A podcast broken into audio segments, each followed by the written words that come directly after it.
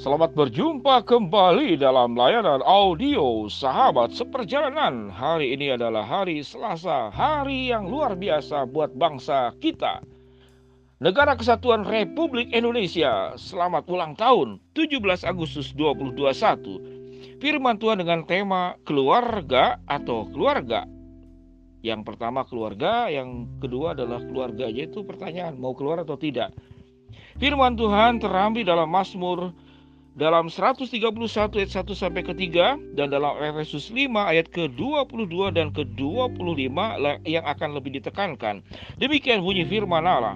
Hai istri, tunduklah kepada suamimu seperti kepada Tuhan karena suami adalah kepala istri sama seperti Kristus adalah kepala jemaat. Dialah yang menyelamatkan tubuh buat suami dalam ayat ke-25. Hai suami, kasihilah istrimu seperti engkau mengasihi dirimu sendiri karena tidak pernah orang membenci tubuhnya sendiri. Mari kita berdoa. Bapa yang di dalam surga, komunitas yang paling harus kami benahi di dalam kehidupan kami yang berdampak sampai kepada negara, sampai kepada dunia, yaitu bernama keluarga. Kami ingin ya Tuhan menciptakan keluarga yang bertumbuh ke arah Tuhan di atas segala pertumbuhan yang lain. Dalam nama Tuhan Yesus kami berdoa. Amin. Shalom sahabat seperjalanan yang dikasih Tuhan Keluarga atau keluar enggak Keluarga yang baik orang akan betah di dalam rumah. Keluarga yang tidak baik Orang anggota keluarga akan berlomba-lomba meninggalkan rumah atau diusir dari rumah.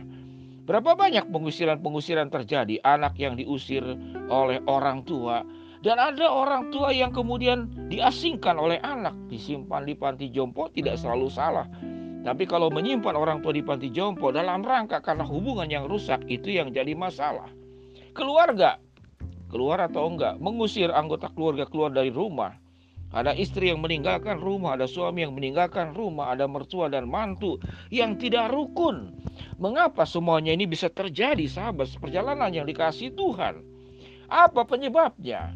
Padahal sewaktu mereka berumah tangga tidak ada pesta rumah, eh, tidak ada pesta pernikahan yang tanpa tertawa, tanpa bahagia, tanpa sukacita. Ada kasus-kasus tertentu. Namun semuanya bahagia. Setiap kali saya melakukan pemberkatan nikah jemaat yang masih muda melihat apa yang terjadi di Instagram yang mereka upload bahkan dibentuk dalam bentuk TikTok, diupload di Facebook, dan media sosial yang lain dipasang untuk menjadi foto profile di WhatsAppnya masing-masing. Betapa indah luar biasa. Namun dalam perjalanan rumah tangga satu tahun, dua tahun, bahkan ada yang baru tiga bulan. Berakhir rumah tangga dalam waktu tiga bulan. Ada yang bertahan sampai 30 tahun.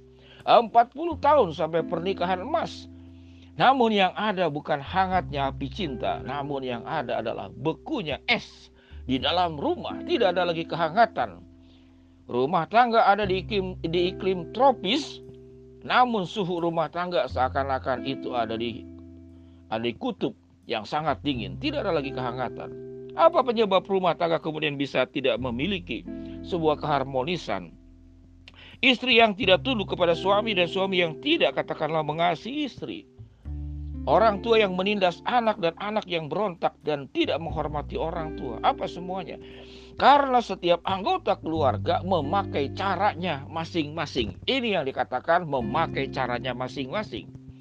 Dalam istilah lain adalah setiap orang itu membawa kunci dan memaksakan setiap pintu itu harus bisa dibuka dengan kunci yang kita bawa.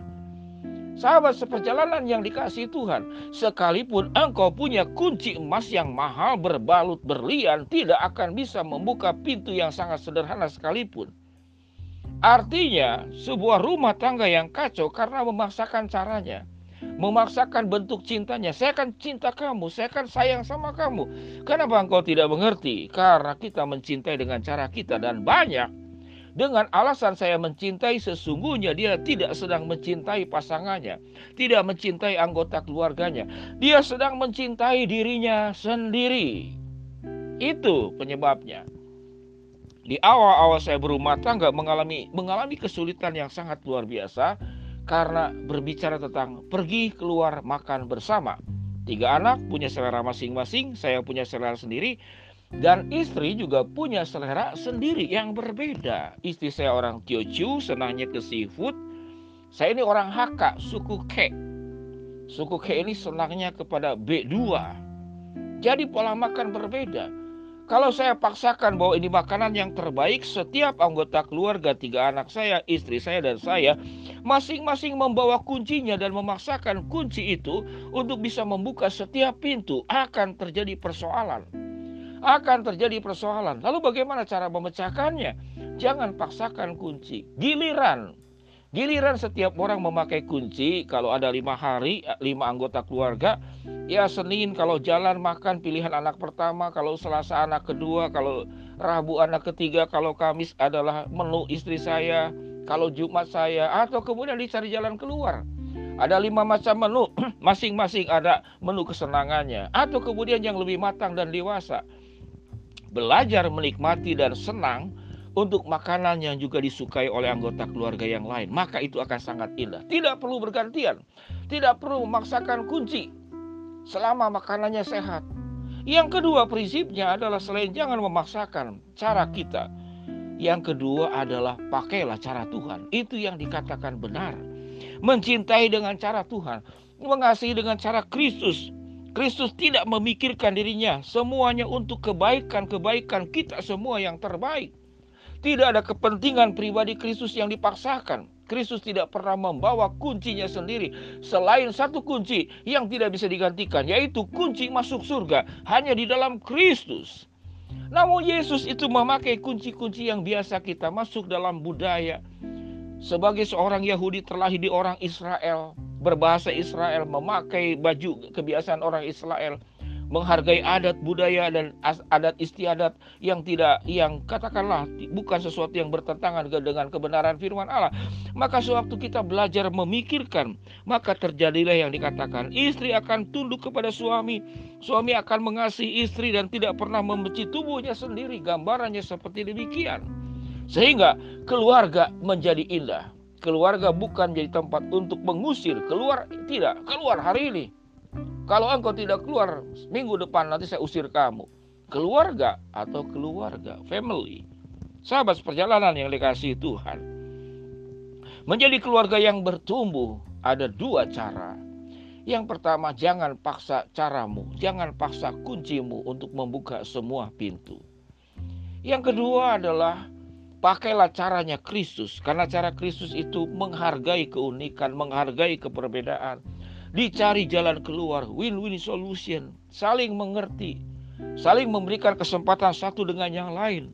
Dengan segala keunikannya, keunikan cara bicara, keunikan cara makan, keunikan hobi yang berbeda, keunikan-keunikan yang lain bukan untuk dipertentangkan namun untuk kemudian menjadi saling melengkapi menjadi satu kesatuan yang sangat luar biasa. Sahabat seperjalanan bukankah sepak bola juga ada penyerang depan ada bagian tengah ada yang bagian bertahan ada yang kiper? Kalau semua kiper apa jadinya? Kalau semua menyerang apa jadinya? Kalau semua bertahan kapan menyerangnya? Jadilah sebuah tim yang indah dalam keluarga menghadirkan kasih Kristus di atas kasih-kasih kita yang mengatasnamakan kasih, namun sesungguhnya kita sedang memaksakan kehendak kita.